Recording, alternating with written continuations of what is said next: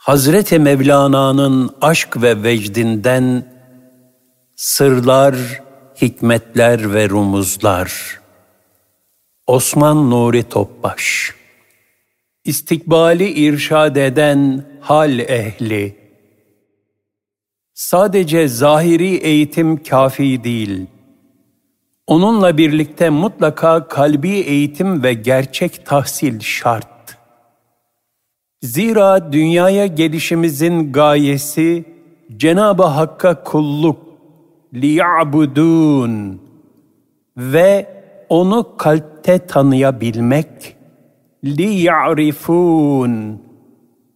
Bu gaye aynı zamanda yüreğinden rahmet taşıran bir merhamet ve şefkat insanı olabilmeyi gerektirir.'' İstikbali irşad eden hal ehli, gerçek tahsil, tahsil, tahsil, ille de tahsil deniliyor. Herkes evlatları için, nesiller için, milletin istikbali için daima ve haklı olarak tahsilin ve ilmin altını çiziyor. Yıllarca ömür, tonlarca para sarf ediliyor. Binalar, kampüsler, imkanlar ve daha neler neler. Netice not vermedi diye hocasını öldüren talebeler. Sokakta şiddet, ailede şiddet, hastanede şiddet. Hapishaneler dolusu tahsilli hak hukuk çiğneyen insanlar. Dini tahsilde de sıkıntı çok. Elhamdülillah çok sayıda imam hatipler ve ilahiyatlar var. Buralarda Arapça öğretiliyor, dini ilimler okutuluyor. Netice üzülerek öğreniyoruz ki bu okullarda namaz kılma nispeti çok düşük takva, istikamet ve şahsiyet hususlarında büyük kusurlar var. Demek ki sadece zahiri eğitim kafi değil. Onunla birlikte mutlaka kalbi eğitim ve gerçek tahsil şart. Zira dünyaya gelişimizin gayesi Cenab-ı Hakk'a kulluk, liya'budun, ve onu kalpte tanıyabilmek, liya'rifun. Bu gaye aynı zamanda yüreğinden rahmet taşıran bir merhamet ve şefkat insanı olabilmeyi gerektirir. Dolayısıyla daima inceden inceye tefekkür içinde idrak etmeli. Şu mutlaka lazım dediğimiz tahsil nedir?'' Faydasızlığı ispatlanmış olanlar değil, gerçek tahsil nedir?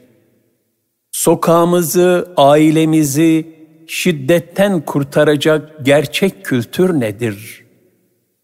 Bizi cehaletten, cahiliyeden kurtaracak faydası sebebiyle ihtiyaç duyduğumuz ilim nedir?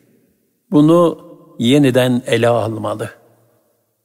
Evvela tatbikat şart. İlim teoriden ibaret kaldıkça, tatbikata yansımadıkça faydasızdır. Okullarda muallimler ve kitaplar vasıtasıyla tedris edilen dünyevi ilimlerde dahi tatbikat mühim bir yer tutar. Her ilmin nazariyatı yanında tatbikatı ve uzmanlığı da olur.'' Her biri kendi mesleğinde, kendi sahasında uygulamalar yapar. Mesela bir tıp talebesi 6 sene fakültede okur, son yıllarında hocalarının yanında nice muayene ve tedavilere iştirak eder. Hastanelerde çalışır, ardından dört sene ihtisas yapar. Daima tatbikat. Bütün bu gayretleri neticesinde insan vücudunun ancak bir kısmı tıbbın sadece bir sahası hakkında uzman hekim olabilir. Mesela bir sporcunun kendi branşı üzerinde devamlı antrenman yapması gereklidir. Nazariyat yetmez. Bütün branşlar böyledir. Problem çözmeyen bir matematikçi, proje çizmeyen bir mühendis, dava dosyalarıyla hemhal olmamış bir hukukçu yetişemez. Elbette İslam kültürü de yaşayarak ve tatbik ederek öğrenilir.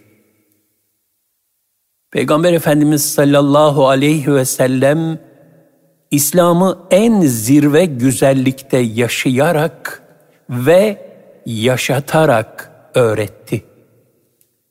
Ayrıca İslam kültürü misal verdiğimiz meslekler ve ilim dalları gibi sadece bir sahaya mahsus değildir.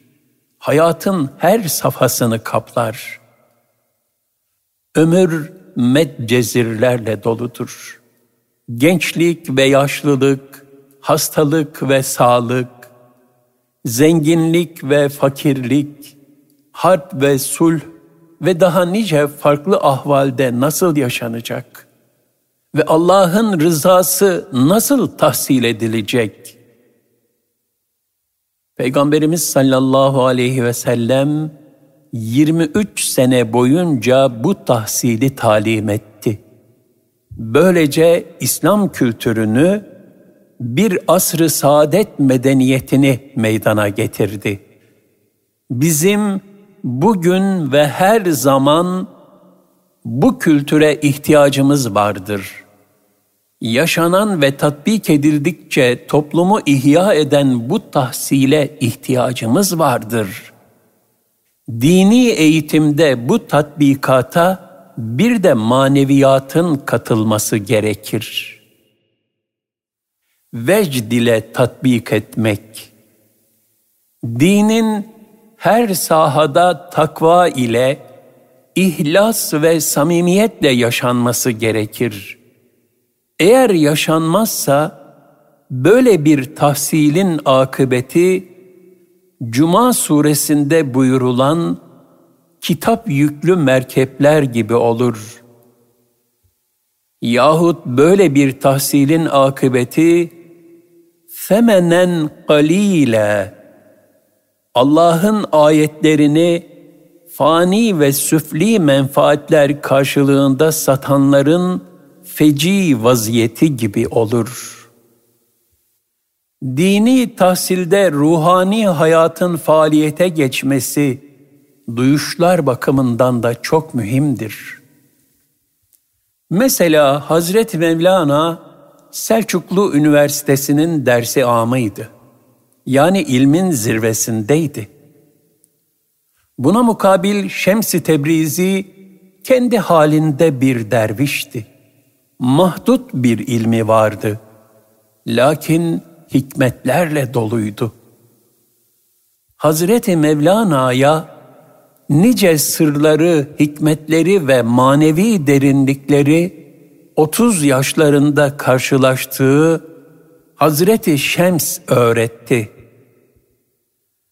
O hikmetlerle Şems, Hazreti Mevlana'nın kalbini sırlara ve hakikatlere aşina etti. Bilhassa onun nefsindeki prangaları kırmasına yardımcı oldu. Şems, muzdaripler üşürken ısınamamayı, yani onların derdiyle dertlenmeyi, yani merhameti ve fedakarlığı Hazreti Mevlana'nın kalbine öğretti. O günden sonra Hazreti Mevlana sıcak odada bile üşümeye başladı. İşte tasavvufun dini tahsildeki yeri burasıdır. Sallallahu aleyhi ve sellem Efendimiz yaşadı ve yaşattı. Sahabe onun ruhani dokusundan istifade etti. Tam bir inikas, duyguların gönülden gönüle yansıması hadisesi gerçekleşti. İnfak ayetleri indiğinde fakir suf ve talebeleri bizim malımız yok ki infak edelim demediler. O ayetlerin şumulüne girmek, o tatbikatta mutlaka yer almak için dağlardan odun kestiler, sattılar, bedelini Peygamberimiz sallallahu aleyhi ve selleme infak olarak getirdiler. Yaşayarak, tadarak öğrendiler. İbadeti huşu, vecd ve istirak içinde yaşayarak öğrendiler. İnsanlara hidayeti ulaştırmaktan zevk duydular. Bir kardeşinin derdine derman olmaktan manevi lezzet aldılar. Esas tahsil budur. Bu da kalbi merhaleler kat etmekle mümkündür. Tasavvuf budur. Yaşayarak ve manevi lezzetini tadarak öğrenmektir. Yunus Emre Hazretlerinin buyurduğu gibi, ilim ilim bilmektir. İlim kendin bilmektir. Sen kendini bilmezsen bu nice okumaktır. Biz de bu hazin neticeler karşısında kendi kendimize sormalıyız.'' Bu nice bir tahsildir. Bu nasıl ilimdir? Tatbikatsız, istikametsiz, ruhsuz ve maneviyatsız bu nasıl dini tahsildir? Soralım da Yeseviler, Edebaliler, Tapduklar, Akşemseddinler, üftadeler gibi gönül muallimlerini, nice mana rehberlerini yetiştirmiş bir medeniyetin evlatları olarak bizler gerçek tahsili anlayalım ve öyle bir tahsilin icaplarını yerine getirelim. Ancak o takdirde yeni Mevlanalar, Yunuslar, Edebaliler, Osman Gaziler, Akşemseddinler, Fatihler, Ebu Suudlar, Şah-ı Nakşibentler, Hüdayiler, Akifler ve ehli Kur'an Asım'ın nesilleri yetişecektir. Nesil gayreti Mevlana Hazretleri bugün Afganistan'da bulunan Belh şehrinde doğmuştu. Korkunç Moğol istilaları sebebiyle babasıyla beraber Anadolu istikametine hicret ettiler.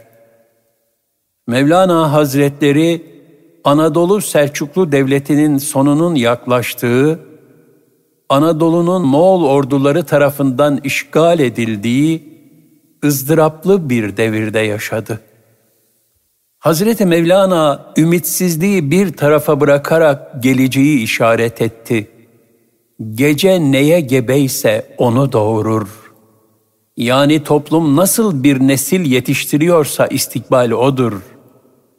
Bir mütefekkir şöyle demiştir. Bir milletin istikbalini görmek keramet değildir.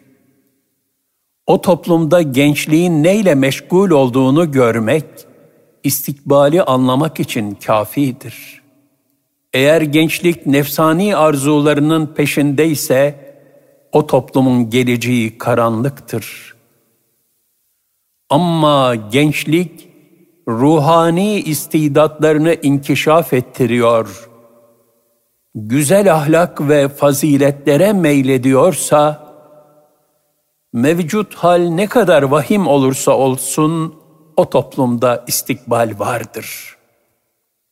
Nitekim Hazreti Mevlana, Tapduk Emre, Yunus Emre, Hacı Bektaş-ı Veli gibi zatların Yesevi dervişlerinin gayretleriyle Anadolu o sıkıntılı günleri geride bıraktı. Gaza ve nizam-ı alem arzusuyla dop dolu olan Osmanlı 400 atlıdan meydana gelen bir aşiretten 24 milyon kilometre kareye hükmeden bir cihan devletine ulaştı. Mevlana Hazretleri ile Osman Gazi arasında geçen şöyle bir menkıbe anlatılır. 36 Fatiha Son Selçuklu Sultanı II. Alaaddin değersiz bir kimseyi kendisine metbu addetmişti. Bu sebeple tertip ettiği ziyafette hazır bulunan Mevlana Celaleddin Rumi, sultanın bu tercihini beğenmeyerek oradan ayrıldı. Sarayın merdivenlerinde Osmanlı Devleti'nin kurucusu, velayet sahibi bir bey olan Osman Gazi ile karşılaştı. Onu alıp tekkesine götürdü. Burada istikbalin büyük sultanı genç Osman Gazi'ye Fatiha-i Şerife okumasını emir buyurduktan sonra manevi bir aleme daldı. Sonra da bir uykudan uyanırcasına silkindi ve sordu. Oğlum kaç Fatiha okudun? 18 Fatiha okudum efendim. Bu cevap üzerine Hazreti Mevlana bu yetmez diyerek 18 Fatiha-i Şerife de kendisi okuduktan sonra ona şu müjdeyi verdi. Oğlum, İslam padişahlığı sana ve nesline mübarek olsun. Neslinden 36 adil padişah gelecektir. Mevlana Hazretleri şöyle buyurur. İyi ağaçtan talihli dal çıkar. Nesillerin yetişmesi keyfiyeti, hocaların, muallimlerin ve anne babaların kalbi ahvaline bağlıdır. Hocanın keyfiyeti, talebesinin inkişafına veya zayıf kalmasına sebep olur.'' Fudayl bin İyaz kaddesallahu sirrahu bu hakikati şöyle dile getirir. Ben Allah'a karşı bir suç işlediğimde bunu merkebimin ve yardımcımın ahlakının değişmesinden anlarım. Yani ben bir günah işlediğimde onların ahlakı ve davranışları bozulur. Kalbi istikametlerine çok itina gösteren hak dostlarının irşatları da çok tesirli olur. Sonsuz feyiz Bu feyiz ve bereketi Hazreti Mevlana şöyle dile getirir. Hiç derede kuru toprak bulunur mu? Salihler içinde ruhaniyet vardır. Kabalık ve kuruluk yoktur. Bu sebeple onların irşadı meyve verir, istikbale ulaşır. Bugün aradan asırlar geçtiği halde Mevlana'ların, Hüdayilerin, Şah-ı Nakşibentlerin ve Geylanilerin irşatları devam ediyor. Menkıbeleri ve eserleri irşada devam ediyor. Türbeleri feyiz ve ruhaniyete muhtaç nice müminlerle her gün dolup taşıyor. Çünkü onlar samimidir. Yaşadıkları hakikatleri tebliğ ederler. Mevlana Hazretleri buyurur. Hal ile öğüt veren, sözle öğüt verenden iyidir. Hal ile öğüt veren zatlar enerji tevzi eder, feyiz ve ruhaniyet neşrederler. Elbette hal ile irşad edenler de sohbetler verirler, konuşurlar, hikmetli sözler söylerler. Fakat onlardaki asıl tesir kalbidir, hal transferindedir. Hazreti Ömer radıyallahu an bunu ne güzel anlatmıştır. Bir gün Hazreti Ömer radıyallahu an konuşmadan halkın davetçileri olun buyurmuştu. Kendisine ya halife konuşmadan davetçi olmak nasıl olur dediler. Dedi ki haliniz ve ahlakınızla. Çünkü insanlar sözden ziyade öze yani karakter ve şahsiyete hayran olurlar. İşte bu seviyeye gelmiş olanlar sükut halinde dahi sohbet ederler. Mahmud Sami Ramazanoğlu Hazretleri gibi zatların hal ehliyle sükut sohbetleri yaptıkları bildirilmiştir. Hal ve ahlakın kemale ermesi takvada derinleşmekle olur. Takvaya erenlere ise ayet-i kerimede buyurulduğu üzere Allah Celle Celaluhu bilmediklerini öğretir. Yunus Emre Hazretleri ne güzel söyler. Dervişin kulağı sak, haktan işitir sebak, deprenmeden dil dudak, sözü işiten gelsin. Sak, uyanık, müteyakkız.'' Sebak da ders demek.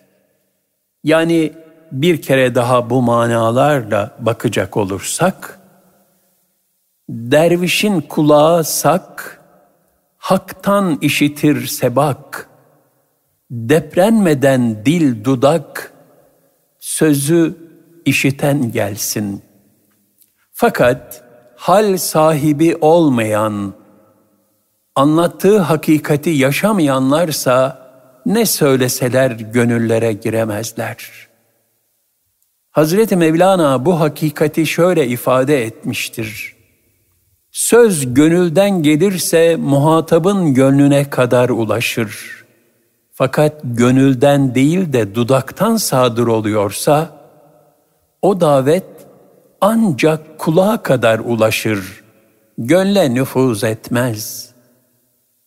Bu gerçeğin bir başka ifadesi, kalbi ve hali bir olmayan kimsenin yüz dili bile olsa o yine dilsiz sayılır. Önce kendini inşa, tebliğ ve irşad için kişinin önce kendi derununu takva ile ihya etmesi gerekir.'' Kendisi himmete muhtaçken başkasına yardımcı olmaya kalkan kişi, yüzme bilmediği halde boğulan bir kişiye yardım etmeye kalkan kişinin faydasız ve gülünç haline benzer. Mevlana Hazretleri ikaz eder.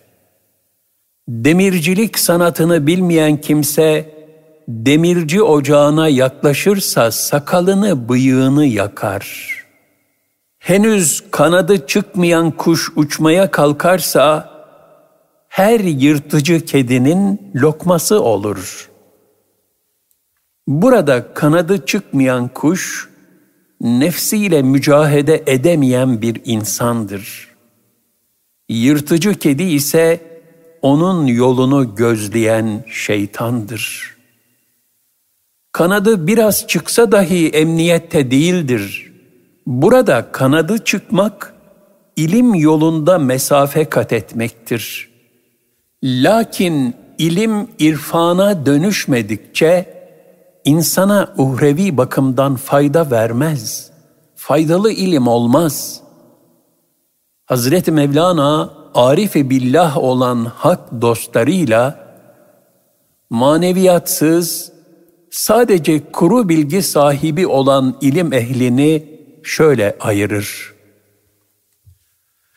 Su kuşları yani mana ehli velilerle karada yaşayan kuşlar, suret ehli, dünyaya gönül verenler, dış görünüşleriyle birbirlerine benzerler.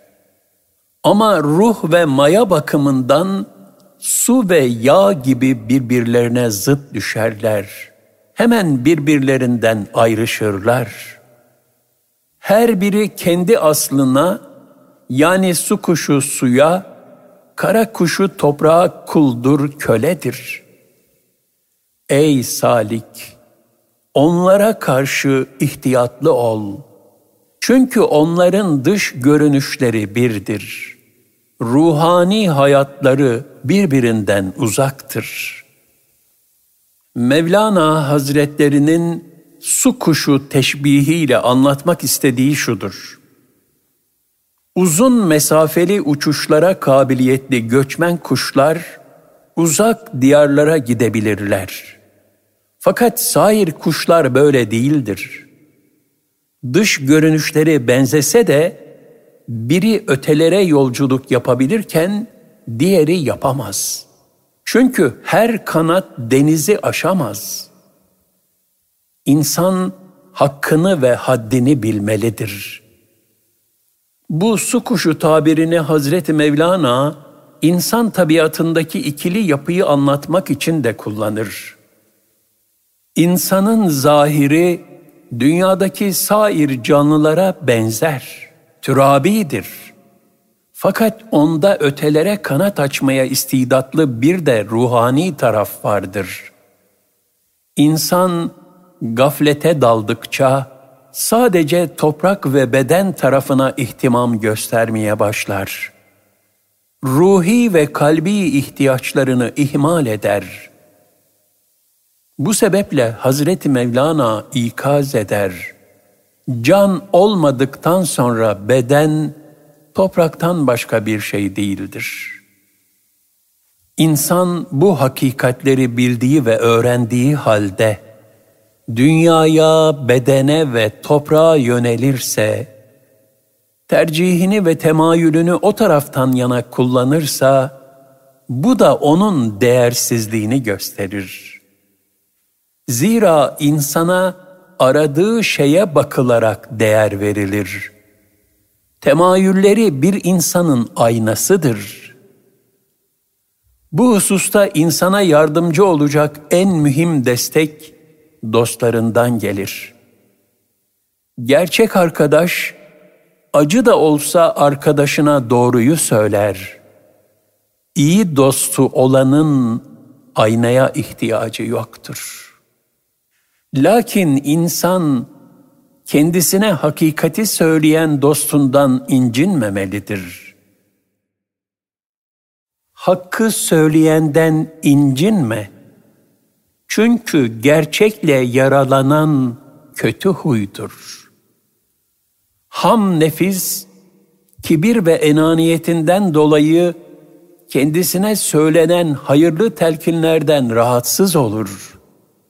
Salih aleyhisselam kavmine nice nasihatlerde bulunduğu halde onlar kulak vermemişler ve azaba müstehak olmuşlardı.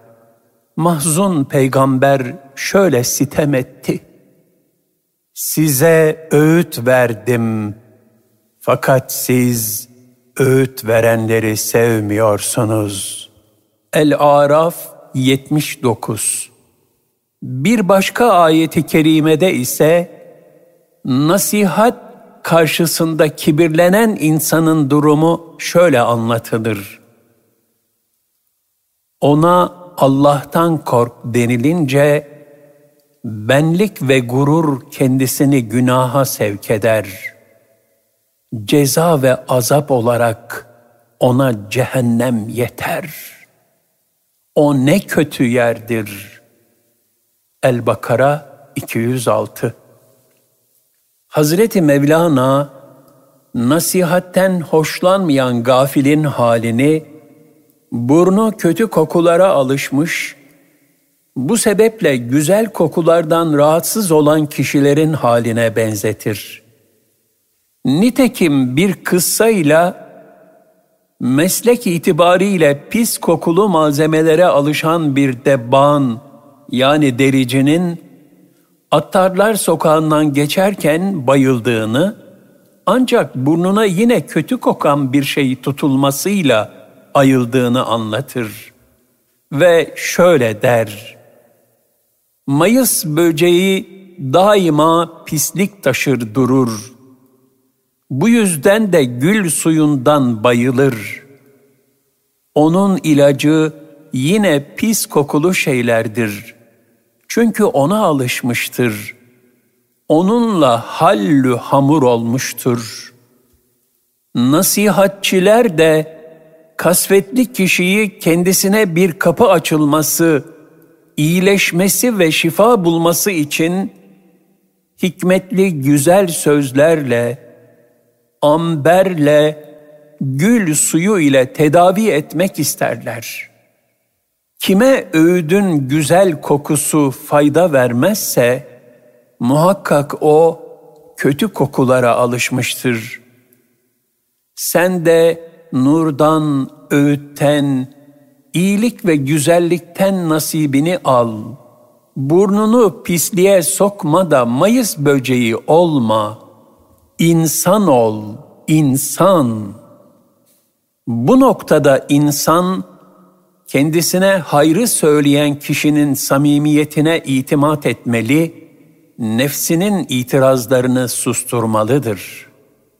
Şunu unutmamalıdır. Çoban eğer sürüye kahırla bağırsa bile, bil ki bu bağırış bütün sürüyü sevdiğindendir. Bu manada insan, dostun sahtesini ve hakikisini iyi ayırt etmelidir. Kendisini nefsani arzulara meylettirenler, yanlışlara ve kötülüklere sürükleyenler dost değildirler. Onlar menfaatperest kişilerdir. Nitekim Hazreti Ali radıyallahu an ikaz buyurur. Sakın şu üç kişiyi istişare meclisinize sokmayın. Bir, cimriyi, iki, korkağı, üç, muhterisi. Çünkü cimri sizi sıkıntı ve darlığa düşme ihtimaliyle korkutup iyilikten vazgeçirmek ister. Korkak büyük işlere karşı azminizi gevşetir. Muhteris ahireti unutturup da sizi dünyaya karşı ihtiraslı yaşamaya heveslendirir Nihayet kendisini de sizi de zulme düçar eder. Netice amiletün nasibeh çalışmıştır boşuna. El-Gâşiye 3 Hazreti Mevlana gerçek dostu tanımak için şu ipuçlarını verir. Sıhhat ve selamet çağında herkes dosttur. Ama dert çağında ve gam vaktinde Allah'tan başka dost nerede? Bu sebeple dost seçimi çok mühimdir. Bilhassa ömür boyu hayat arkadaşlığı demek olan eş seçimi çok mühimdir.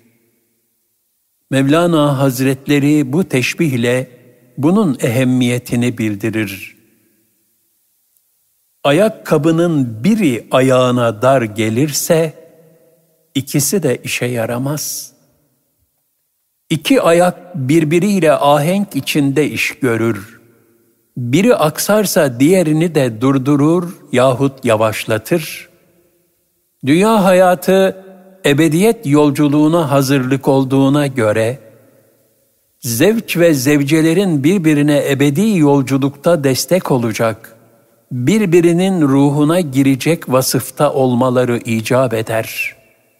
Bu sebeple evlilikte Peygamber Efendimiz sallallahu aleyhi ve sellemin şu nebevi tavsiyesi mutlaka göz önünde bulundurulmalıdır.